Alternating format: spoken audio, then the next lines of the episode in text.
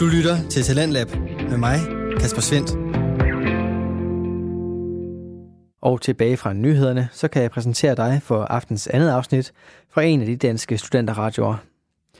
Hvor jeg i første time kunne byde på et afsnit fra det københavnske, så står den i denne time på et program fra Aarhus Studenterradio. Denne times afsnit kommer fra hashtagget, som består af de to værter, Alberte Bendix og Astrid Broe Dahl, som begge studerer medievidenskab på Aarhus Universitet. Hashtagget det er et program, som i et hvert afsnit dykker ned i et nyt emne via brugen af afsnittets hashtag. Det bliver udforsket og diskuteret, og så kommer de sociale medier selvfølgelig også i brug. Aftens afsnit dykker ned i emnet janteloven, og her der kommer snakken både ind på de to værters eget liv, og på det liv, som janteloven lever på de sociale medier. Og det afsnit, det får du altså lige her. Hvis jeg siger til dig, at alt, hvad du foretager dig i dag, og alt, hvad du kæmper for, ikke dur til noget som helst, hvad vil du så svare mig? Jeg vil nok sige, oh, hvem fanden tror du, du er? Eller sådan, jeg vil i hvert fald blive vildt chokeret, fordi det kan man da ikke sige til folk. Men, øh, men jeg vil nok heller ikke sige, fuck dig. Det er du da heller ikke, eller det gør du heller ikke selv. Men, altså, men hvorfor, skulle du ikke, øh, hvorfor skulle du ikke kunne det? men det kan man jo ikke. Altså sådan, har du, øh, har du hørt om, øh, om janteloven? Det har jeg. Mm. Og øh, det er jo også derfor, jeg spørger dig om det. Mm. For hvis jeg siger til dig, du skal ikke tro, du er noget, så kunne du jo i princippet sige tilbage til mig, du skal heller ikke tro, Ja. du er noget. Mm. Mm, Men hvor kommer vi så, så hen vil med vi det? være lige vidt, kan man sige, ikke? Jo, og vi vil på en eller anden måde gå rundt og, og være sådan nogle grå skyer, eller sådan nogle Ja. ja. uden identiteter, hvis vi ikke kan få lov til at være den, vi egentlig er. Ja. Og lidt tro på det, vi kan. Hvad har man så? Altså, Hvem er man så egentlig? så er man ens alle sammen. En grå sky i hvert fald. Mm. Men det bliver vi formentlig klogere på undervejs i dagens afsnit, som vi har valgt at kalde for hashtag den der jantelov. Hash hash hashtagget. Ja, jeg tænkte, Astrid, at det ville være en god idé at starte med en definition måske af janteloven. Jeg er sikker på, at øh, vi alle sammen kender til det her citat med, du skal ikke tro, du er noget. Ja, Du kendte det, jeg kendte det. Citatet henvist i hvert fald til janteloven. Men var vi så mere end der? nej, altså det, det eneste, jeg egentlig lige vidste sådan helt konkret, det er det her, du skal ikke tro, du er noget.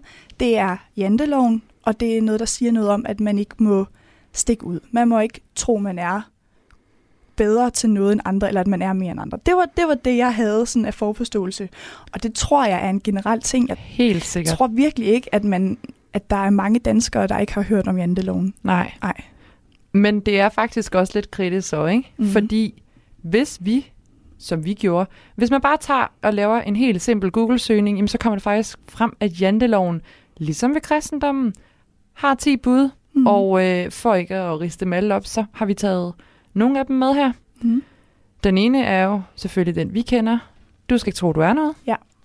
Så er der den, du skal ikke tro, at du er klogere end os. Der er også et bud, der lyder, du skal ikke tro, at du dur til noget. Og så er der også et bud, som lyder på, at du skal ikke tro, at nogen bryder sig om dig. Ej, det er altså træls, Ja. de der ting. Jeg må indrømme, jeg bliver faktisk en smule provokeret af det.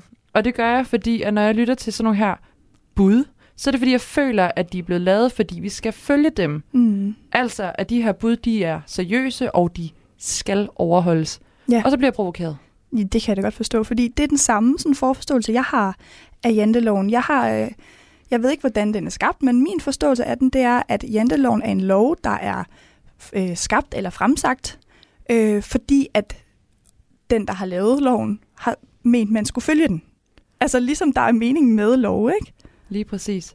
Og nu siger du i forhold til, hvem der er det, der har lavet dem her. Og det kunne være, du havde lyst til at fortælle Alberte. Ja, fordi vi har lavet øh, en lille øh, research øh, på janteloven. Og det viser sig, at janteloven stammer fra en norsk-dansk forfatter, som hedder Axel Sandemose. Sådan det mose. Sandemose, eller hvordan man nu siger det. øhm, det er fra en roman øh, fra øh, 1933, øh, som hedder En flygtning krydser sit spor. Hmm. Ja, og det er en fiktiv fortælling om en dreng i den lille by, som, som også altså en fiktiv by, der bliver kaldt for Jante. Øhm, Og der er jo en lille sjov detalje med det, har vi fundet af. Ja, og det er jo simpelthen, at øh, den rigtige by, som øh, Jante er bygget op omkring, det er øh, Nykøbing Mors. Hvor Axel Sandemose er vist opvokset. Ja, det var der, han er opvokset. Mm. Og det er simpelthen utroligt tæt på, hvor jeg er vokset op. ja. Det er lidt sjovt. Ja, så jeg er simpelthen lige midt i... Lidt en fiktiv fortælling. Ja, Men det er jo faktisk også noget, vi skal snakke lidt om senere. Jamen, det det er her med øh, Jante som by. mm, nemlig. Og øh, det, som bogen den går ud på, det er, at der findes et øh, universelt jante, som alle er skyldige i at bidrage til. Enormt man håndhæver over for folk, der skiller sig ud fra mængden. Men det her, det fører jo faktisk til, Astrid, øh, at kollektivet det selv bliver holdt nede i de faste rammer og retningslinjer for samfundet, som man går og håndhæver over for hinanden. Den her Jante-lov, Nemlig, ja, som jo er baseret på nogle af de bud, vi sagde før. Ja. Prøv lige at overveje et samfund, og prøv lige at overveje nogle retningslinjer for et samfund, Ja. hvis vi alle skulle gå Ja. og tænke i den retning. mm, Men var det noget, nu ved jeg, du snakkede om det lige før, men var det virkelig noget, du vidste? Det her med, at det ligefrem var en fiktiv fortælling. Nej, det kan jeg godt fortælle dig. Jeg blev... Øh, jeg ved ikke, det kan godt være, at der var et eller andet, der dæmrede på en eller anden måde op i mit hoved, men, men nej, jeg troede virkelig bare, at det var... Jeg troede faktisk, altså det forholdt sig sådan her, at janteloven var skabt af en, der hedder Jante, Mm. og at han synes, at man ikke skulle tro, man var noget, så nu lavede han en lov omkring det. Og det er Sådan noget, der jeg, er blevet noget, der er gået igennem, Ja. fordi igen, som jeg sagde, jeg blev provokeret af det Mm. her, fordi når man sætter nogle, sætter nogle bud, så er det fordi, de skal overholdes. Ja. Så der er en eller anden, der har tænkt, at nu vil han have, eller Jan, det kunne sikkert også være en pige, Ja. øhm, bare lige for at, at udligne den. Ja. Øhm, så jeg synes faktisk, at det kom ret meget bag på mig, Ja, at, øh, at det her, det er baseret på en, en fiktiv fortælling. En roman, og En op, roman. op, hvor jeg kommer fra, og Op i Nordjylland, op i... Det, eller hvad? ja, det er vel Er det Nordjylland? På, nej, det er mm, midt og vest, men det er lige meget. Okay. Lad os bare dvæle ved, at vi har øh, Jente. Ja. En lille by, hvor vi har en Jentelov. Præcis, men jeg vil faktisk lige komme med en indskydelse i forhold til det, Astrid, fordi nu snakkede jeg lige med min, øh, med min moder i Mm. går, min mor, og fortalte om, hvad vi skulle snakke om. Og så ville jeg lige prøve hende af. Øhm, Test hende. Jeg vil lige teste, eller bare, jeg synes, det var interessant, hvilken opfattelse hun har af den. Og jeg spørger min mor sådan, "Nå, mor, vil du lige, øh, hvis jeg spørger dig om, hvad, øh, hvad er jenteloven? Hvad vil du så sige? Ved du, hvad hun så sagde? Nej, men jeg vil rigtig gerne vide det. Ja, så sagde hun, jamen det er jo Sandemose og Jantebyen og op i Nykøben Mors, og hun opremsede bare Hun det hele. vidste. Hun vidste, og hvor jeg er fuldstændig sådan, mor, hvad? Hvem er du? Hvem- Er det dig, der har skrevet?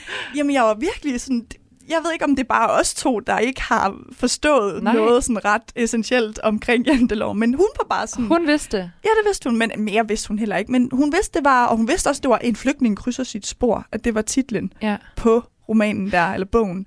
Jeg var bare, det ville jeg bare lige komme med, fordi at jeg var... Det er, overrasker mig meget, fordi dem jeg, har, dem, jeg har snakket med det her om, at vi skulle snakke om jantelov, øh, de har været sådan, Nå, jantelov, ja, ja, ja. Ja, ja. Men, men ikke mere end det, fordi Nej. man tænker bare, du skal ikke tro, du er noget. Nej. Men det siger måske også lidt mere om, at hvem jeg har snakket med, jeg har snakket med nogen fra min egen alder. Ja. Du har snakket med din mor. Ja. Måske er der noget med generationen der. Ja, og min mor, hun, hun ved sådan nogle lidt underlige Seje ting. Ja, hun ved sådan, ja, underlige seje ting. Hun er, hun er folkeskolelærer, så hun, Ja. øhm, hun ved alt muligt, øh, som der godt kan være lidt overraskende nogle gange. Ja. Hun vidste det i hvert fald. Nå, Ja. Men jeg kunne godt tænke mig, Astrid, at vi snakkede lidt omkring øhm, vores personlige og, øh, og individuelle forhold til janteloven. ja. Den er, Øhm. den er god at lægge ud på Ja. i forhold til lytteren også, fordi der må også sidde nogen, som formentlig har det på samme måde som os. Ja, og man kan sige, at nu, altså bare det, vi har snakket om nu, min mor og dem, du har snakket med i dag på din egen alder, de har to forskellige, øh, ikke holdninger, men altså sådan forforståelser af det. Hvad man ved, og hvor meget man ikke ved, og, og hvad gør det så i forhold til, hvordan man går og rent faktisk, nu siger jeg, jeg bruger, øh, det er jo ikke sikkert, at man bruger janteloven, men hvordan den man ligesom... med i tankegangen. Ja, nemlig. Øhm, og jeg har lige, eller vi har lige nogle, nogle citater, som kunne være interessante i forhold til det her med ens personlige individuelle forhold. Fordi øh, jeg synes lige, vi skal starte ud med øh, en fra, øh, fra Faktalink, hvor vi bare har søgt på janteloven. Den er jo meget simpel Ja. Google-søgning. Så står der, Jante er en by, hvor folk holder hinanden nede og ikke tillader, at nogen gør sig bemærket på deres dygtighed. Janteloven er den lov, borgerne udøver over hinanden, og den fungerer som en uformel straffelov. Ligesom Bibelens 10 bud består janteloven også af 10 påbud. Ja. Øhm, jeg har lige understreget nogle ord her, som jeg synes er interessante, og det er det her med, hvor der står, at den fungerer som en uformel straffelov. Ja. Øhm, fordi det synes jeg hænger sammen med den måde, jeg selv, altså det forhold, jeg har til det. Fordi det er ikke en positiv ting. Og det er, når der står uformel straffelov, så er det måske heller ikke, øh, skal man ikke dvæle sig meget ved det her med lov, men mere, altså jantelov, Mm. men mere ved det her med det uformelle, Ja. at det er en eller anden norm, det er Ja. et uskreven regelsæt, Mm. som bare har fulgt det samfund, Mm. som man har levet i. Og øh, jamen lige præcis, og hvis vi bare lige også tager, vi har jo lige et øh, citat mere fra Gyldendal, og det vigtige i det citat, det er, at der står, at undertrykkelsen og småligheden sammenfattes i janteloven, Mm. modelleret over Moselovens 10 bud. Altså det er, og så står der også, at det er øhm, ja, øh, begrænsning af det enkelte individ. Ja. Øhm, og det er bare lidt interessant at få med, fordi at man kan jo have forskellige opfattelser af janteloven. Man kan jo synes, at det er godt, og at man, ja, man skal ikke tro, man er noget mere end andre. Men, men altså en, en helt almindelig Google-søgning, det er altså nogle negative ord, man finder omkring Ja. det. Øhm, Men Alberte, er det noget, du også føler, når du tænker jantelov og det her med, at du skal ikke tro, du er noget, følger de her negative ladede ord så også dig i din tankegang om at handle ud fra det her jantelov? Tænker Altså- du, at det er en undertrykkelse, eller det her med, at den begrænser dig på det individ, som du engang nu gerne vil være? Jeg synes helt klart, at, øhm, at janteloven er noget, man... Altså jeg ved ikke, om man er bevidst om lige præcis janteloven, men det, den går ud på, den her norm omkring, at den undertrykker eller holder de individer nede, der på nogen måde prøver at stikke ud fra mængden. Øh, den kan man da godt genkende. Mhm. Mm-hmm. Altså den kan man da godt mærke, synes jeg. Øhm, jeg føler ikke, at man møder janteloven sådan i talesæt. Der er ikke nogen, der har sagt til mig, Nej, du skal ikke tro, du er noget. Øhm, det har jeg heller egentlig aldrig hvert rigtig hørt. Nej. Nej, der er ikke nogen, der har sagt, altså sådan, den er ikke blevet i talesæt som sådan. Nej. Øhm, Men sådan som vi jo netop læser de her citater, når vi har lavet en helt almindelig og simpel Google-søgning, det er, at Axel Sandemos har skabt den her jantelov for at sætte fokus på, at samfundet er bygget op på en negativ måde. Tilbage i 1930, ja, øh, hvor der ligesom hersker nogle normer, der gør, at folk hiver hinanden ned og lægger en dæmper på stolthed og dygtighed. ja, og det var jo det, som jeg var ret meget op at køre over. Ja, det var der Øh, og det skal lige siges, at vi har ikke læst En flygtning krydser sit Nej. spor. Vi er ikke eksperter på den tid, der var i 30'erne. Og vi skal ikke Øhm, sige, hvad der er rigtigt og forkert. Nej, og det kan være, at vi har fortolket forkert. Men det, der gik op for mig, øhm, ud fra den måde, jeg fortolker de ting, vi har læst på nettet nu her, det er, at janteloven netop ikke er skabt af en, fordi han mente, at det bør være sådan. Den er skabt som en beskrivelse af det samfund, der var dengang. Mm. Øhm, Axel Sandemose skriver den her roman øh, og beskriver samfundet for netop at i talesætte det, for så at kritisere det. Ja. Det her med, at han sætter fokus på i den her bog, at vi netop trækker hinanden ned, og som jeg sagde i starten, det er en måde, hvor kollektivet faktisk ved at håndhæve det her, de her former for påbud, Mm. det, det er bare til at holde dem selv nede. ja. Det er øhm, faktisk en kollektiv måde at holde hinanden alle sammen nede i dønnet, som jeg læste et sted også. Og den måde Axel Sandemose jo formentlig også har brugt den bog på, eller brugt sin for egen fortælling på, er jo virkelig for at sige, prøv at høre her, der er noget, der er fuldstændig ja. galt. Det Og det tror jeg overrasker langt de fleste, og har overrasket mig. Fordi, som vi snakkede om, jeg troede, at det var øh, altså ment i fulde alvor, at øh, de her, eller den her jantelov, den skulle holdes. Men Ja. det, den er ikke skrevet ned af Axel Sandemose, fordi han mente, man skulle følge den, men mere som en, som en øh, konstatering af, disse her normer hersker mm. Mm. i vores samfund. Men hvad tænker du så, øhm, hvis vi vender lidt tilbage til det her med janteloven, som vi opfattede det til at starte med? Altså, Mhm. er det noget, du selv har, har fulgt lidt, eller er, det, er du mere den, der giver et kæmpe stor fuckfinger til det? Til det. Jeg tror, at øh, for mig, der er øh, nøgleordet øh, ydmyghed. Mm. Fordi det er klart, eller det er ikke klart, men jeg synes, det er klart, at selvfølgelig må man tro, man er noget. Man skal bare helst have noget at have det i. Ikke? Ja. Og, øhm, og man skal ikke gå og, og, og sige til hinanden alle mulige negative ting med, at man, du skal ikke tro, nogen bryder dig om dig, og alle de der ting. Øhm, og jeg synes gerne, man må være god til noget, og man må gerne vide, man er det. Men der er forskel på sådan at være øhm, altså for meget omkring det, fordi jeg synes, at være ydmyg, altså man kan godt være god til noget, men samtidig være ydmyg omkring det. Og der har jeg bare lige en kommentar, fordi jeg er fuldstændig enig på det område i forhold til ydmyghed. For jeg har det også sådan, du må godt være noget, du skal faktisk være noget. Ja. Du må godt sige, hey, jeg er rigtig dygtig til det her.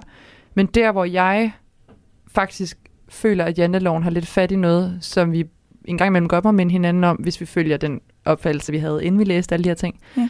Det her med, at når folk ikke nødvendigvis er særlig dygtige til det, de gør, eller er de bedste inde på de områder, men alligevel skal gå og tale sig op på en eller anden måde for at få en anerkendelse, der synes jeg, at janteloven i forhold til, at du skal ikke tro, du er noget, bare lige for en lille påmindelse om, prøv at høre, der er også andre, der gør det rigtig godt.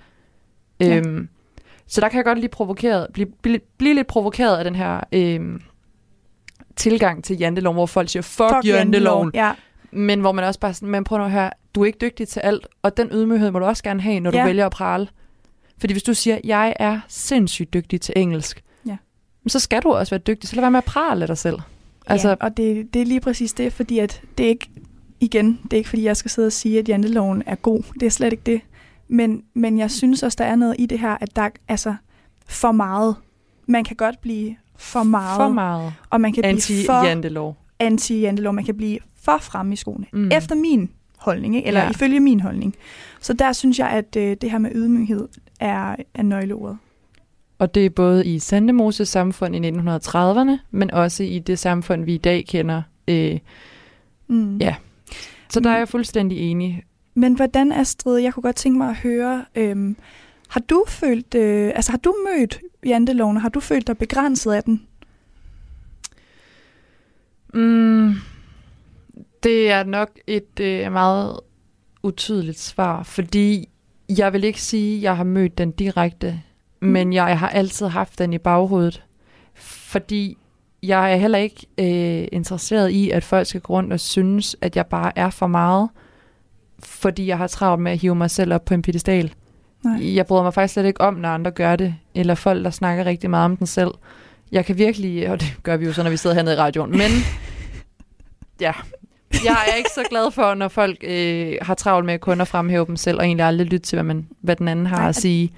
Det er jo netop det der med at blive lidt for meget, ikke? Jo. Fordi man vil jo gerne lytte på, hvis der er nogen, der er dygtig til noget, og man synes, det er interessant. Mm. Fortæl mig det hele. Ja. Altså, Jeg vil gerne vide det, men du skal også mene det. Du skal ikke ja. Ja. have travlt med at bare fremhæve dig selv, fordi du Mm. er pisse usikker på dig selv. nej. Eller et eller andet, vel? Hvad med dig? Har du, øh, har du støttet en før? Nej, men det var også ligesom jeg sagde før, jeg har ikke øh, sådan decideret altså, oplevet, at janteloven er blevet i talesat over for mig. Øhm, men det var, det var det, jeg ville vende tilbage til, det var nemlig det her med, at man, men man, man mærker den. Mm. Men det er faktisk mere op i ens eget hoved jo. Det er nemlig, som du siger, det her med, at man er ikke interesseret i, at folk skal gå rundt og tænke dårligt om en. Altså, og så alligevel, så siger man jo også til hinanden, nej men, fuck hvad andre tænker. Det er jo Mm. fuldstændig lige meget, ikke?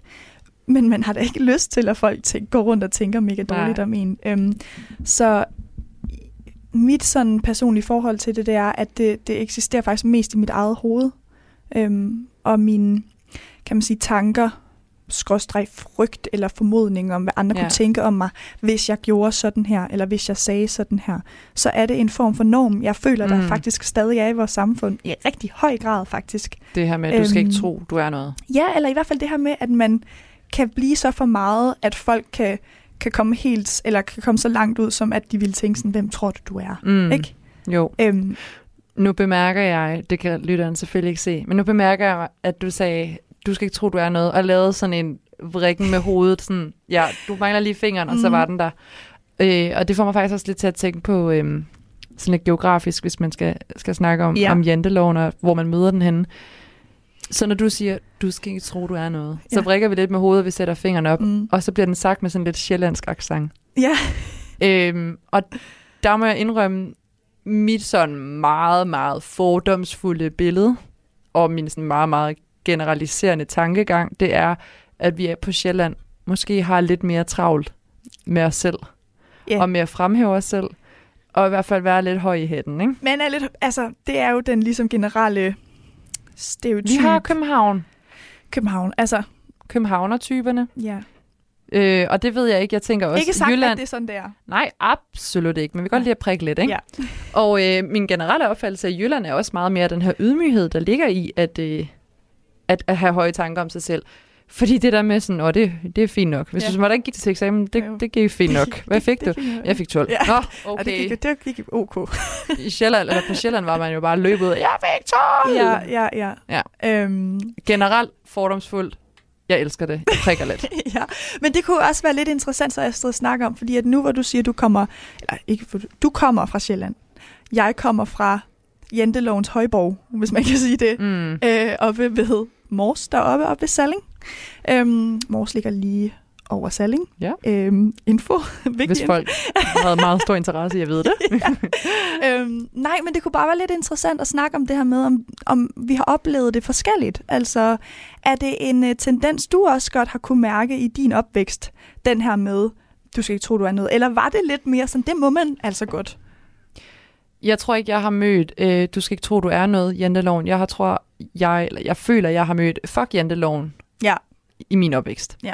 Øhm, så jeg har lært janteloven at kende ved dem, der har givet den en kæmpe stor fuckfinger. Mm.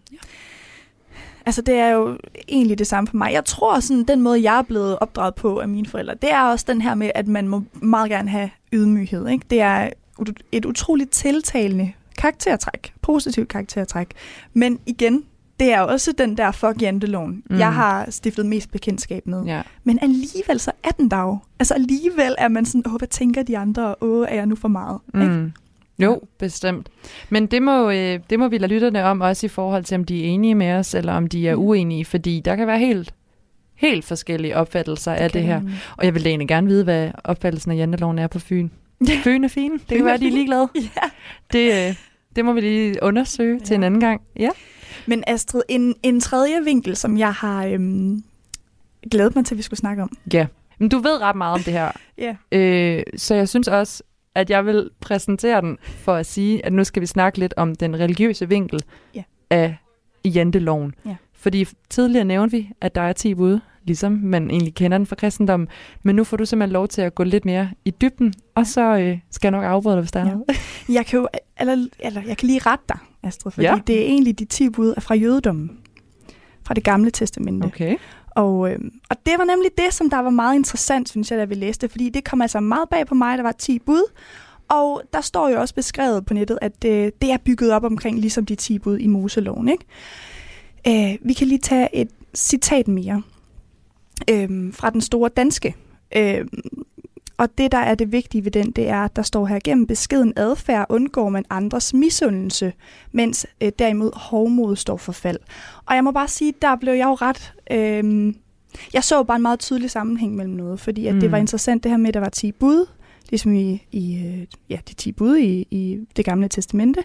Og det her med, at man gennem beskeden adfærd undgår andres misundelse. Ja. Fordi, Astrid, de 10 bud er bygget op som love inden for jødedommen. Mm. Øh, for at blive frelst i, øh, i den jødiske tro, så skal du følge de 10 bud. Hvis du ikke følger de 10 bud, så synder du, og så skal du ligesom skrifte øh, ved en præst, kan man sige. Ikke? Og sådan stod det i det gamle testamente. Ja, altså de 10 bud, Første Eller gang, vi møder dem. altså de 10 bud, de bliver jo øh, skrevet ned på de her stentavler på mm. Sinai-bjerget. Øh, overfor, altså Moses, ikke? Jo, lige Så præcis. Det... det- jeg tænker Moses, fordi ja. Normalt vil jeg jo bare tænke de 10 bud, kristendom, Jesus, Gud, alt det her. Ja, Nå, men, men det, der ved du, der er, der er en anden sammenhæng, og den ved jeg nemlig, du vil fortælle om. Ja. Det er faktisk det, jeg fisker lidt efter. Ja, men det er fordi, øhm, de 10 bud, jeg kan ikke huske, hvilket nummer det er, men der er der jo netop et, et bud, der hedder, du må ikke misunde din næste. Hmm. Så Astrid, selvom det er bygget op på samme måde, så det er jo totalt modstridende. Ja. Fordi i, altså, i den ja, kristne eller jødiske tro, der er det en synd at føle misundelse. Ikke? Mm. Jøde, eller hvad hedder det, janteloven er bygget op, således at man Skal skal undgå. undgå, at At- andre føler misundelse over for dig. Mm. Du og må- derfor må du ikke tro, du er noget. Ja, altså, hvor jeg bare var sådan, det, og det er jo totalt modstridende. Mm. Øhm, men også bare lige i forhold til det her med, som jeg kan, som jeg kan huske, jeg snakkede med dig om og fortalte om det her med, at så kommer Jesus jo ind øhm, og, øh, og gør op med de ti bud. Han, øh, han skaber ligesom øh, kristendommen, som, er, som ikke er en lovreligion. Du er allerede frelst i kristendommen. Og øh, de 10 bud bliver i bjergprædikenen Mm. først sat på spidsen til mange flere bud, fordi det er umuligt at, at følge de 10 bud. Det, du kan jo ikke i princippet gøre for, hvis du er misundelig, vel? Nej. Øhm, så det blev lavet om til næste kærlighedsbuddet, at du skal være mod din næste, som du ønsker, de er mod dig selv. Ja, og ved du hvad, den har jeg simpelthen haft lært lige siden jeg var helt lille Ja. i øh, folkeskolen. Jeg havde en fantastisk dansk lærer, der hed Birte Line, Ej, og vi tog nogle gange sådan en, hvor vi sagde sammen, hvis der var nogen, der havde været oppe at slås, eller der var nogen, der blev drillet, eller, eller andet, så ja. sagde hun, og nu ved I godt, hvad vi skal sige. Du skal være mod andre, som du ønsker, de skal være mod dig selv. ja, ej, men det er så fint. Og det, øhm, det er jo det, som Jesus han ligesom laver det om til, ikke?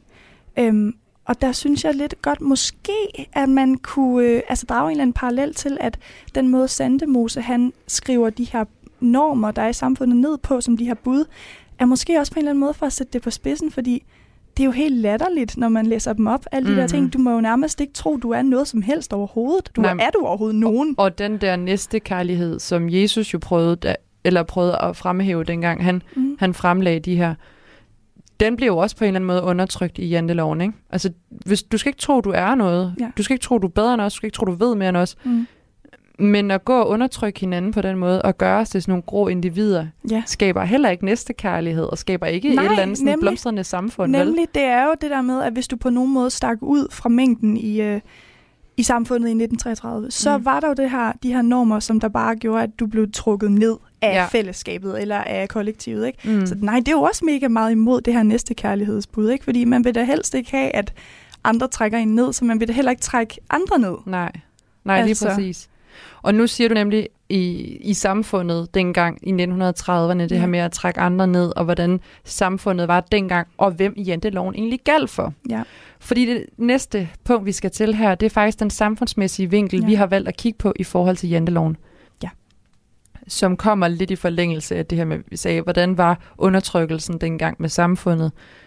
Janteloven gælder hele samfundet i dag. Sjælland, Jylland, gamle el, eller ja. unge. Men Alberte, hvordan var det, det var dengang i, Det- det, i datiden? Hvordan det, læser vi det? Ja, men altså, man kan sige sådan, at øhm, ud fra det, jeg kunne forstå på det, jeg har læst, der gældte ja, janteloven ikke sådan generelt. Der var ikke en generel norm for alle lag i samfundet. Det var blandt proletariatet, det her. Det øhm, fandt sted. Og vi skal måske lige komme med en lille definition af, af proletariatet. det er, så vidt jeg husker fra, fra gymnasiet og dansk undervisning, så er det altså sådan de nedre lag ja. i samfundet. Ikke? Man snakker det, bruger det nogle gange som et, øh, et, et udtryk, det her med at, være, at leve som en proletar, ikke? Ja. eller være lidt prol, kan Ja, jeg huske, vi sagde på gym. Ja, det er, ikke, det er i hvert fald ikke den høje klasse, altså de høje klasser i samfundet, det handler om.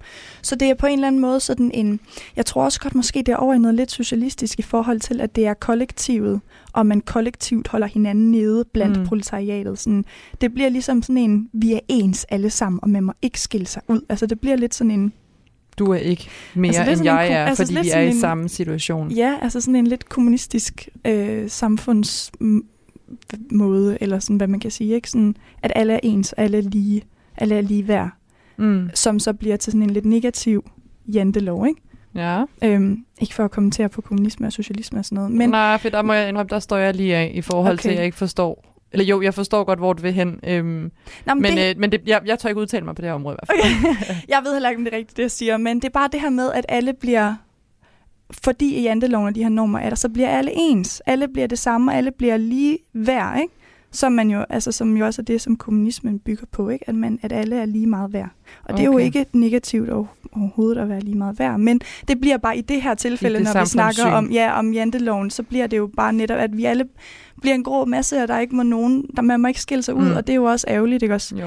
Øhm, Og der har vi jo faktisk et citat også med fra Faktalink. Ja. Øh, jeg tror måske, vi har læst det op, men i hvert fald for at fremhæve det igen, det her med, at, at øh, i Jente, jamen der havde indbyggerne, eller i samfundet i hvert fald, øh, indbyggerne generation efter generation holdt hinanden nede med misundelse og snæversyn. ja. Det er disse udskrevne regler, som Sandemose har omskrevet til de 10 bud i janteloven, fordi at det samfund, som han følte, de levede i, jo netop har holdt hinanden nede på grund af det her. Ja. Det er i hvert fald sådan, vi læser den, at det muligvis er skrevet som kritik af samtid, eller samfundet i datiden. Nemlig. Det er altså virkelig mit bedste bud. Øhm, og det er jo det, som der også var lidt overraskende for mig, fordi vi jo netop tænkte, det er, det er ment i, i alvor, det her. Man skal ikke tro, man er noget. Øhm, men i forhold til, altså, at det galt proletariatet dengang, øh, så læste jeg også, at det ikke er sådan noget med, at man så, hvis man var en del af proletarerne, så var det ikke fordi, man var misundelig over, at folk fra andre lag Mm. mm. skilte sig ud. Det var mere sådan inden for den samme Kreds. kreds. Og der er det jo, som, som vi har snakket om også op til det her program, det er, at det er som om, den gælder mere generelt nu. Det, øh, Det er det med tiden. det er bare generelt, du skal ikke tro, du er noget. Og så er det jo klart, så er der jo nogen, der kommer til at stikke ud, fordi der er jo stadig Mm. sociale lag i, i samfundet, ikke? Helt sikkert. Øhm, og så er det også nemmere at pege nogen ud og være sådan, og dømme dem, ikke? Jo. Men jeg tænker også i forhold til, hvis vi skal tage fra datid og hen mod nutid, det her med øhm, populærkulturen. Ikke? Altså vi lever lige nu, hvor der sker rigtig, rigtig mange ting omkring os. Og vi har rigtig, rigtig travlt med 15 minutters berømmelse og alt det her. Det kan vi lige vende tilbage til senere. Men det handler hele tiden om at kunne noget ekstraordinært. Vi får hele tiden nogle nye remedier, eller nogle nye medier, eller et eller andet, der sørger for, at vi bliver sat lidt op på en pedestal, og vi andre, vi passivt kan følge med mm. på en eller anden måde. Ikke? Øhm, så i form af den populære kultur, vi lever i, så føler jeg også, at, at det lige pludselig inkluderer alle, og ikke kun proletariatet eller de lavere Nej, nemlig. samfundsklasser. Det er mere blevet en generel ting. Og den her regel gælder lige meget for os alle sammen på en eller anden måde. Ja. Øhm, Og for så lige at dvæle lidt ved den her nutidsperspektiv, eller det her nutidsperspektiv, så vil jeg bare meget kort øh, lige fortælle, hvad jeg kom til at tænke på. Ja. I forhold til, Janteloven er skrevet af en dansk-norsk forfatter. Hvis man tænker, de værdier, vi har i dag, det samfund, vi lever, vi går rigtig meget op i, at vi, er, vi har skandinaviske værdier, de skandinaviske Uh. rødder, uh, som jo Norden. lige har trykket eller prikket lidt til, Ja, ikke? Jo. Men øhm, hvis vi lever på de værdier og det, som er grundlaget for den tankegang, vi har i dag, om det her sikkerhedsnet, der gør, at vi alle sammen skal være sikre. Der er ingen, der skal leve i fattigdom. Vi skal alle sammen have det godt. Øh, vi er verdens lykkeligste folk heroppe i Norden. Så tænker jeg også modsat på den sådan amerikanske, de amerikanske værdier, Yes. og den tankegang, der var ved dengang man jo faktisk flygtede fra, lad os bare sige, flygtede, rejste fra Europa og hen Mhm. mod USA, fordi det var mulighedernes land. Mm. Der har de jo, øh, hvad kan man sige, den her levevej, hvor de siger, at enhver er sin egen lykkes Ja, med. det var jo nærmest en, øh, altså en rejse mod det modsatte, kan man sige. Ikke? Fuldstændig. Øhm, en, den nye verden, hvor alle muligheder var åbne, hvis man bare tog sagen i egen hånd Hvis og du gjorde det. det. selv og hævde dig selv op på en pedestal og sørgede for din egen succes, Ja. det var aldrig gået i jante samfundet. Nej, det var det jo nemlig ikke. Absolut ikke. Det, det er en interessant altså, øh, altså, øh, vinkel at, at, at tage det fra os, fordi ja, øh, vi har ligesom konstateret, eller vi har i hvert fald sagt, at vi føler stadig, at øh, den her norm omkring janteloven, den er i, øh, i, vores, øh, i vores samfund i dag. Øhm, så det står i total kontrast til den, Mm. altså det samfund, der er et andet sted. Ikke? Jo. Øhm, og det, Du kan ikke gå hen til USA og begynde at fortælle dem om, øh, om janteloven, så tror jeg da godt nok lige, at de får en, øh, en lussing frem eller to. Altså, sådan, du skal ikke komme mm-hmm. og Mhm. sige til dem, at de ikke skal tro, de er noget, fordi det er sådan, deres samfund er bygget op. Ja, Det og, handler om at være noget. ja, og det er jo også, altså det synes jeg også bare er lidt spændende, fordi at man vil jo også gerne være noget herhjemme. Så selvfølgelig har, altså jeg tror, det der har været en udvikling, det er jo ikke, fordi samfundet er det samme som dengang, men der er stadig den der norm, der, der hænger ved. Øhm, ja, utroligt nok. Det er derfor, jeg synes, det er så fedt med det her nutid, das, da, nutid Mm. datid perspektiv, for det giver os mulighed for at kunne diskutere, om det stadig gælder i dag, hvorhen det gælder i dag, altså har vi det i Danmark, hvordan hvis vi tog det til USA, men også det her med, at vi ikke skal tro, at vi er noget, eller om vi alle selv er ansvarlige for at skabe vores egen lykke, Ja. og måske endda dermed have det lidt som motivation for at være noget, fordi som du siger, man skal have lov at være noget. Ja. Og så kan man netop lave sådan en lille, lille introduktion eller præsentation af sidste uges afsnit, jo, som handlede om awardshows, fordi hvis vi alle levede efter janteloven, ikke? med at vi skal ikke tro, vi er noget, havde der så været awardshows i dag? Så havde der jo nok ikke været nogen at hylde. Nej, Så havde der jo ikke været der nogen... var ingen til at klappe af dem. Nej, og der var heller ikke øh, nogen at klappe af. Nej. Der var jo ikke nogen, der måtte være god til at, at lave film, eller spille musik, eller skrive musik, eller producere noget som helst. Præcis, og Øhm. du vil være en grå sky, jeg vil være en grå Vi sky. vil bare være ens. Vi vil faktisk bare gå rundt og være mega død kedelig at kigge på. ville man sidde sådan og dyrke det, man godt kunne lide at være god til sådan derhjemme i stille. Så vores hjem, de var bare eksplosioner af gode Ja, idéer, ja. men udenfor var der bare, gråt. ligesom vejret jeg har Ja. været de sidste halvanden måned. Ja, Og så kunne vi sidde og spejle lidt hen til, øh, til USA, der er rigtig travlt med at, øh, Ja. at men, dyrke dem selv. men jeg synes også, det her med USA og, og, og, Skandinavien, der er selvfølgelig en, en helt anden mentalitet i de to lande, hvor man, ja, i USA, den amerikanske drøm, og der er ikke nogen sådan, der siger til en, hvem fanden tror du, er, fordi Mm. at det er ligesom det, der på en eller anden måde er meningen, ikke også? Det er Jo. meningen, man skal, man skal prøve at forfølge den drøm der. Det må man jo også gerne i Danmark. Det er bare som om, det er lidt mere sådan afdæmpet. Det er mere med den der øhm, øh, ydmyghed omkring tingene. Mm. Øhm, så derfor, hvis man så lige pludselig har lidt sådan mere en amerikansk tilgang til tingene, så, så er det derfor, man stikker ud på en Man bliver anden sådan lidt liberal alliance, måde. ja. hvis vi skal snakke politisk, og det skal vi aldrig. Mm. Men øh, noget vi to vi snakkede om, øh, da vi sad og planlagde det her program, det er faktisk lidt sjovt i forhold til vores vinkel, Ja. og hvad vi synes er spændende omkring det her jantelov. ja. Jeg der synes, har vi- utroligt spændende. Ja, og der har vi sådan kunne, kunne grine lidt af hinanden, men vi har også måske kunne inspirere, lidt, inspirere os lidt af hinanden. Fordi jeg kunne ikke godt tænke mig, at du starter med at præsentere din vinkel. Hvad er din vinkel, når du går ind til et emne som jenteloven? Jamen altså lige, i, lige den her gang i hvert fald, der synes jeg bare, det var helt vildt spændende, sådan det der helt nye aspekt af, hvor det stammer fra. At det, altså det her med, det er fra en, en roman, og, og jeg tror, at det er en kritik af samfundet, eller i hvert fald, at det var, Mm. det var bare en definition eller en beskrivelse af, hvordan det var. Og ikke som jeg troede, at det var noget, der var ment i alvor. Nej. Altså, øhm, Og der vil jeg gerne lige komme med en indskydelse at sige, at du jo var enormt betaget og opslugt af at finde ud af sandheden. Hvor jeg Jamen, sådan, Alberte, du kan vide det." ikke finde sandheden, fordi han er død. ja. Vi finder aldrig ud af, om han rent faktisk øh, vil kritisere Nej. Samfundet, eller om det måske var en lille stikpille til os at sige, prøv at høre, skru lige lidt ned for jeres højtidlige... Nej. Øh, Men jeg var bare Pis. sådan helt sådan, jeg måtte bare finde et sted, hvor det stod sådan soleklart, hvordan den her roman, den skulle fortolkes. For jeg har jo ikke selv læst den, jeg sad sådan, men, så skal må læse den. Så må jeg jo selv læse den. Altså, Ja. sådan, øhm, ej, så langt gik jeg heller ikke. Men, men jeg var bare, synes bare, det var, Au, du sagde lige et kort øjeblik. Vi kan ikke nå det, men det kunne da egentlig have været meget fint, hvis vi kunne nå at læse den. Men jeg ved ikke, hvor jeg finder den. Er det ikke rigtigt? Jo, det er rigtigt. Ja. Men, øh, men jeg synes bare, det var vildt spændende, at, at det hele forholdt sig øh, helt anderledes, end jeg troede. Altså, øh, ja. hvor det kommer fra, og, og hvordan det så bliver brugt i dag stadigvæk, og sådan noget. Det synes jeg bare var mega spændende. Men du havde en anden Jeg har en lidt anden vinkel, vinkel. men den vinkel kommer jo ikke uden, at man egentlig har haft din vinkel. Så det har været ret Nej. fint, vi har været os to. Øh, jeg synes, det der er enormt interessant, når man kigger på janteloven, det er det her med, hvad bruger vi den til i dag, og hvordan forstår vi den i dag? Fordi snart vi har nogle ting, som har en eller anden form for tradition, eller har en eller anden historie, eller betydning fra tidligere, ligesom vi havde med nostalgi, Mm. Ligesom vi har fundet ud af, da vi havde kommersielle helligdage med Halloween og Valentinsdag, altså hvad kommer det så af, så synes jeg også, det er så sjovt at sætte det lidt kritisk lys Ja. med, hvordan vi har det i dag, og, og hvilken betydning det har for vores hverdag. Øh, og det er også derfor, at jeg er mega begejstret for det, vi skal snakke om lige om lidt, med, øh, med hvor vi tænker jantelov i forbindelse med iscenesættelse og sociale medier. Ja, fordi at, altså, jeg vil give dig helt ret i, det er mindst lige så interessant altså, at snakke om, hvad vi bruger den til i dag, og hvordan vi forstår den i dag.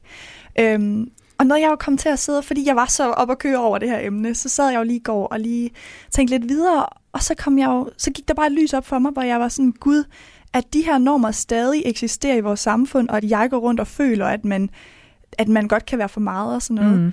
Så var jeg sådan, det står jo også mega meget kontrast til det, altså det samfund, vi er i nu, altså senudanniteten med i, altså identitetsdannelse, øh, selviscenesættelse på sociale medier. Man skal gerne være Ja. øh, noget bestemt, altså man skal vide, hvem man er. Hvem er jeg? Det er sådan et identitetsspørgsmål, man stiller et krav, sig selv, at ikke? du finder det ret hurtigt, ikke? Altså, Jo. du finder din identitet. Jo, og der er mange unge, der sådan får den der krise, sådan, hvis de ikke sådan... Det der spørgsmål, hvem er jeg? Agtig, ikke? Apropos det, jeg hørte lige i dag i forhold til, hvor mange unge, øhm, der egentlig bliver stillet med en, en, øhm, en diagnose. Ja, så At siden 2012, så var det hver Er det 1 ud af 10, jeg læste? øh, 1 ud af 7 ting. Nej, slut. Der er i hvert fald Det, mange. ja, der var rigtig mange, der led af angst. Det var Ja. ja. faktisk den, der var flest unge, der blev diagnosticeret med. Og så er der selvfølgelig ADHD og sådan Ja. noget. Men øh, jeg tror, det var næsten hver syvende eller hver tiende barn. Nej, det var hver syvende. Jeg sad og tænkte på, jeg tænker altid min klasse nemlig. Hver syvende barn havde en eller anden form for diagnose, om det var angst eller ADHD Ja. eller eller det ja, andet. synes Det synes jeg faktisk er rigtig skræmmende, ikke? Det er da mega skræmmende. Men øhm, det kan jo være, det hænger lidt sammen med det her med, at man nemlig skal være noget. Der er, fordi altså, der er både sådan en mentalitet, sådan noget med, at man må ikke stikke for meget ud, man må ikke være for meget, men, mm. man, man, man vil da heller ikke være den, der ikke er noget, fordi Nej. der er også en, en altså sådan, der er de her idealer, man gerne skal leve op til og sådan mm. noget, ikke?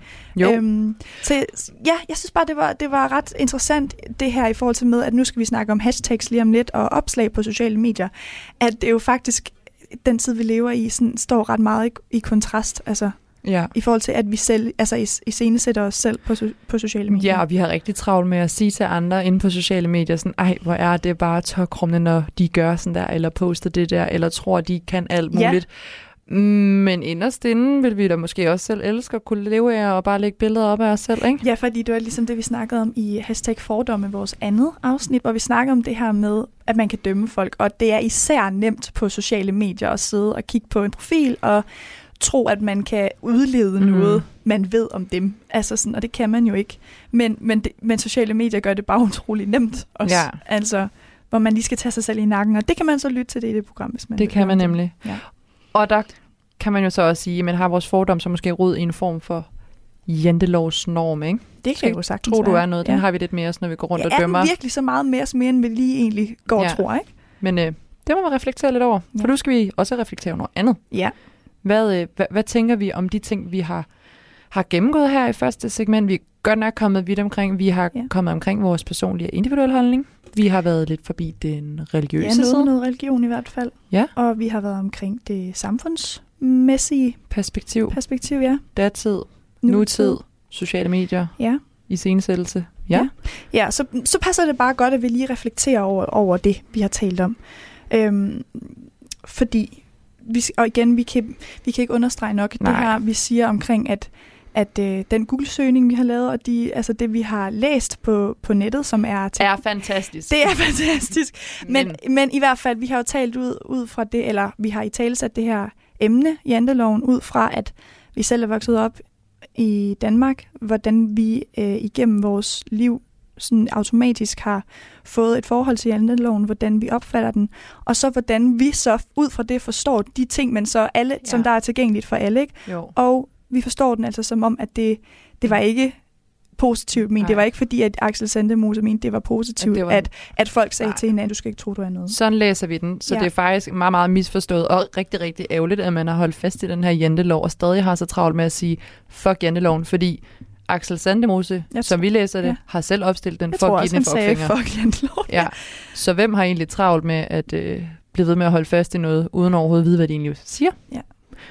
Øhm, Det var bare lige lidt vigtigt for os Ja. lige at understrege det. men jeg synes også omvendt, at det, det er væsentligt og rigtig vigtigt i, i vores samfund i dag, at vi, øh, at vi kan diskutere janteloven, og Ja. at vi fa- faktisk ikke sådan helt konkret ved, hvad den handler om.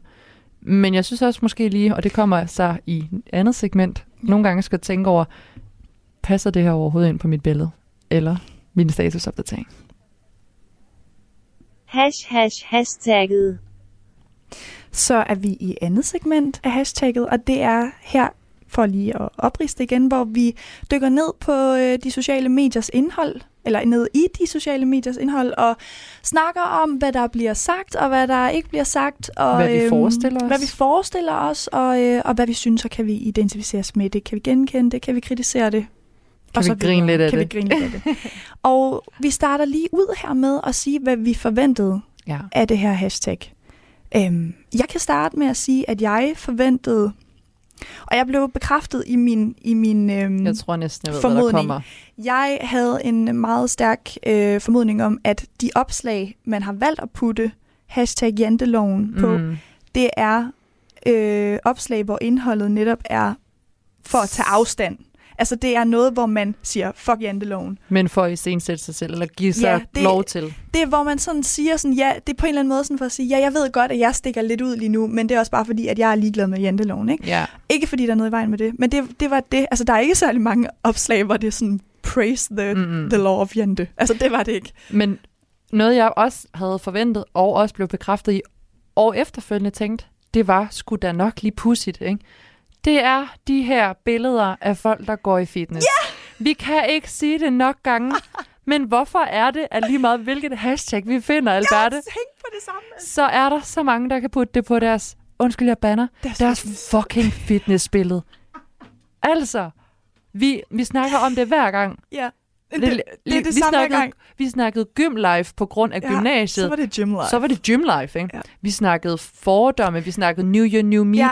Alt, der putter man bare lige eller en hashtag ind, og så er det bare, se mig, jeg er rigtig lækker. Jeg tror, det er sådan en... Øhm, jeg tror måske bare, at hvis man har en, en rigtig flot krop, og øh, har arbejdet for den, så har man måske også bare lyst til at vise den frem. Og så kan man bruge alle hashtags. Og så kan man bruge alle hashtag. Men altså, gør endelig det. Ja, ja. Altså, det er ikke det. Så har vi lidt mere det at er grine bare af. pudsigt, Ja. at, at så mange af vores hashtags, vi har valgt at snakke om, fordi jeg synes alligevel, der er en forskel på dem. Det er ikke de samme. Kæmpe Der forskel. er bare altså billeder af folks kroppe ud over Ja. det. Nostalgi, ikke? Så sidder du og er nostalgisk over, hvor stærk du var engang, ja. ikke? Og alligevel er du også ret stærk i dag. Altså, Ja. jeg kan, men, men så kan vi grine af det, og vi Ja. kan tage det frem, og, og, og måske inderst inden bare være lidt ked af, at vi ikke også er sådan noget. Ej, jeg faktisk... Der er fair nok, der er nogen, der har lyst til at dyrke de her ja. Ja. meget, meget vilde fitness-tendenser. Men jeg øh, lagde mærke til det samme, Astrid. Jeg Ja. synes også, det var sjovt. Og det var endnu et hashtag nu, hvor man skulle sidde og lede efter det, det rent faktisk skulle handle om. Ja. Ja. Men for at komme frem til det, som vi så endelig føler handler om det, så, øh, så synes jeg, vi skal præsentere vores findings af det her hashtag. Mm. Og øh, du må gerne starte. Jeg øhm, startede med at skrive hashtag jantelov og hashtag janteloven. Og der vil Loven. bare, ja. Ja. Og jeg vil bare godt lige sige, at øhm, hvis jeg søgte på hashtag jantelov, så var der sådan noget øh, 500 plus eller 1000 plus opslag. Så prøvede jeg at søge på et Ja. andet hashtag, Okay. som var fuck janteloven. Ja, jeg tænkte det. Og der Ja. var over 13.000 opslag. Okay. Det siger bare noget om, at sådan den generelle, i hvert fald dem, øh, der er brugere af sociale medier og vælger at lægge noget op i forhold til, til noget, der har noget at gøre med janteloven, så er øh, mentaliteten fuck janteloven. Mm. Øhm, det synes jeg bare var lidt interessant. Også især fordi vi snakkede om, at sociale medier står lidt i kontrast ikke? i forhold til det selviscenesættelse. Men jeg fandt et opslag, som jeg synes var interessant. Øhm, og det er et øh, billede, der egentlig ikke er så spændende. Jeg kan lige vise den. Den er på norsk, Ja. og øh, det er også en ting, der, var, der generelt gik igen, synes jeg, den her gang. Måske fordi Janteloven er skrevet af Axel Sandemose. Yes. Eller bare dansk Axel Det Sandemose. tror jeg nemlig. Og jeg kan lige vise dig det, Astrid. Der står, Ja. fuck janteloven! I- Fuck den! Okay. Ja, øhm, det er et norsk opslag. Og det, som det generelt handler om, det er egentlig bare et billede, hvor der står det. Der er ikke, det er ikke et billede af noget bestemt. Det, det handler om, det er, at øhm, hende, der har slået det her opslag op, det er en længere opslag. Hun har noget på hjertet omkring det her. Ja.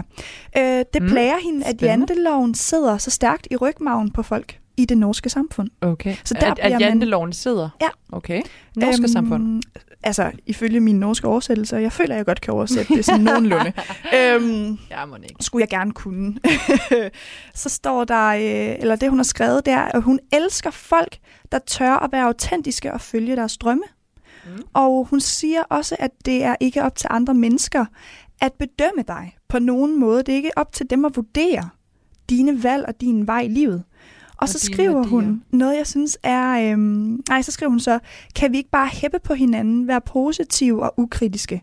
Og så skriver hun noget, der er ret sødt, synes jeg, Ja. som jeg faktisk heller ikke kendte til. Nej. Selvom min mor har læst den her bog for mig, da jeg var lille. Men det, hun skriver, det er, kan vi ikke bare øh, leve efter kardemommeloven? Folket røver Kardemommeby. Ja. Nå, hvad er det for en kardemommelov? Det er, jeg var lige inde og google det. Ja. Kardemommeloven er den eneste lov, der er i, i bogen Folk og Røver i Kardemomme, Ja. ja. i Kardemommeby. Ikke? Og øhm, det, som der, den går ud på, det er, man skal ikke plage andre eller sætte livet til, og for øvrigt må man gøre, hvad man vil. Okay. Og hun siger simpelthen, kan vi ikke bare leve efter den? Man må Mm. mm. gøre, hvad man vil, og man skal ikke plage andre Nej. og sætte livet til. Nå. Det synes jeg var lidt cute. Og også, at man kan sige det med så kort en sætning med, kan vi ikke bare leve efter kardemommelov? Ja. Jo. Jo, den kan jeg godt lide. Jeg- Ej, den var vildt Ja, god. ikke? og jeg synes bare, at det var rigtig fint, at der var nogen, der havde lavet sådan et, øhm, et lidt længere opslag på sociale medier. Nogle refleksioner. Nogle refleksioner, hvor man ligesom, hvor det ikke bare var en linje eller sådan noget, og det Mm. ikke bare var fuck janteloven, og ikke mere. Altså Ja. hun begrunder det ligesom, og Hvilke hashtags er der? der er øhm, hashtag janteloven, hashtag fordomme, eller fordommer, Fordommer.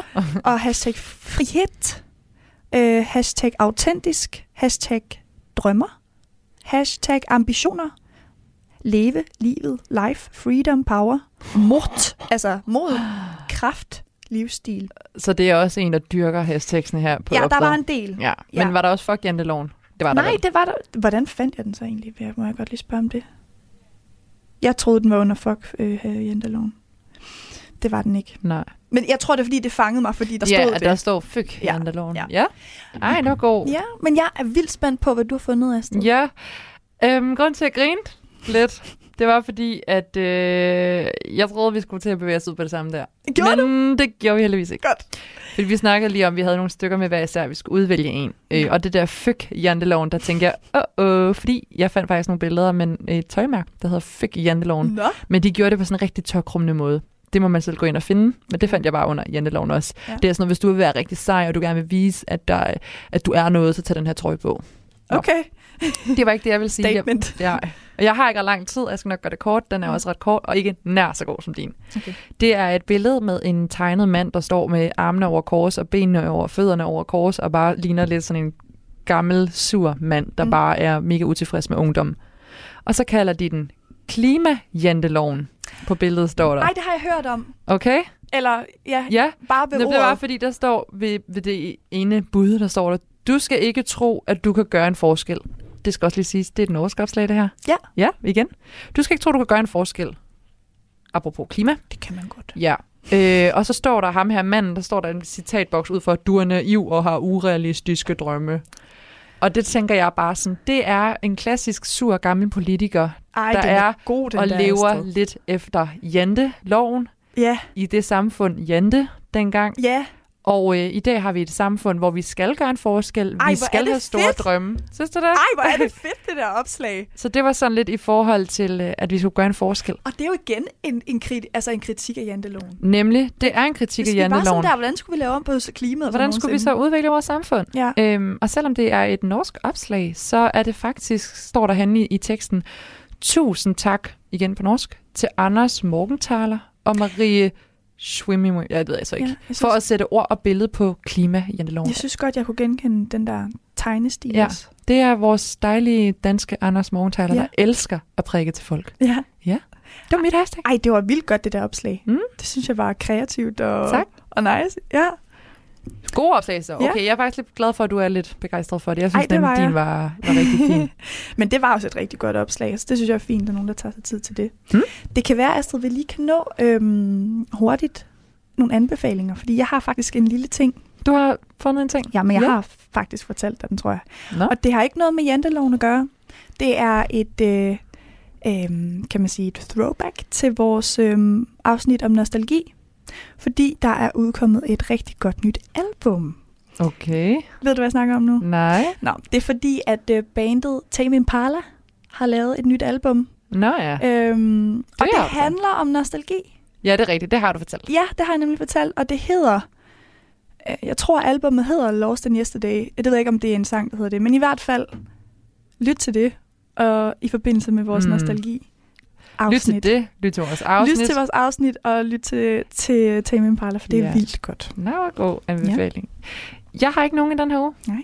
Det, øh, jeg synes, vores afsnit taler lidt for sig selv i forhold til janteloven, fordi det er altså subjektivt og ikke til at, Ja. til at vide, hvad folk tænker omkring det her. Og vi har en holdning, og andre kan have en anden holdning. Ja, og la, jeg kan lige sige, altså jeg synes i hvert fald, det er vildt spændende og sjovt også at sidde og i talsætte det her sammen med dig, fordi det netop er noget, vi alle sammen mm. kender til, og det er, som vi jo også skriver og i ved alle vores afsnit, det er, altså hashtagget er subjektivt, og Ja. det er nysgerrighed, og det er Ærligt. ærligt, øhm, og det er samtaler. Ja. Så øhm, jeg synes bare, det er spændende at i talesætte det her, den her norm, som der er i vores samfund, hvor den Mm. stammer fra, og hvordan vi forstår det, vi kan læse om den. ja. Øhm, Og som tydeligvis er mange forskellige steder Ja. på de sociale medier. Ja, nemlig. Radio 4 taler med Danmark. Det var et program fra Aarhus Studenterradio, der hedder Hashtagget, og det består af Alberte Bendix og Astrid Broe Dahl.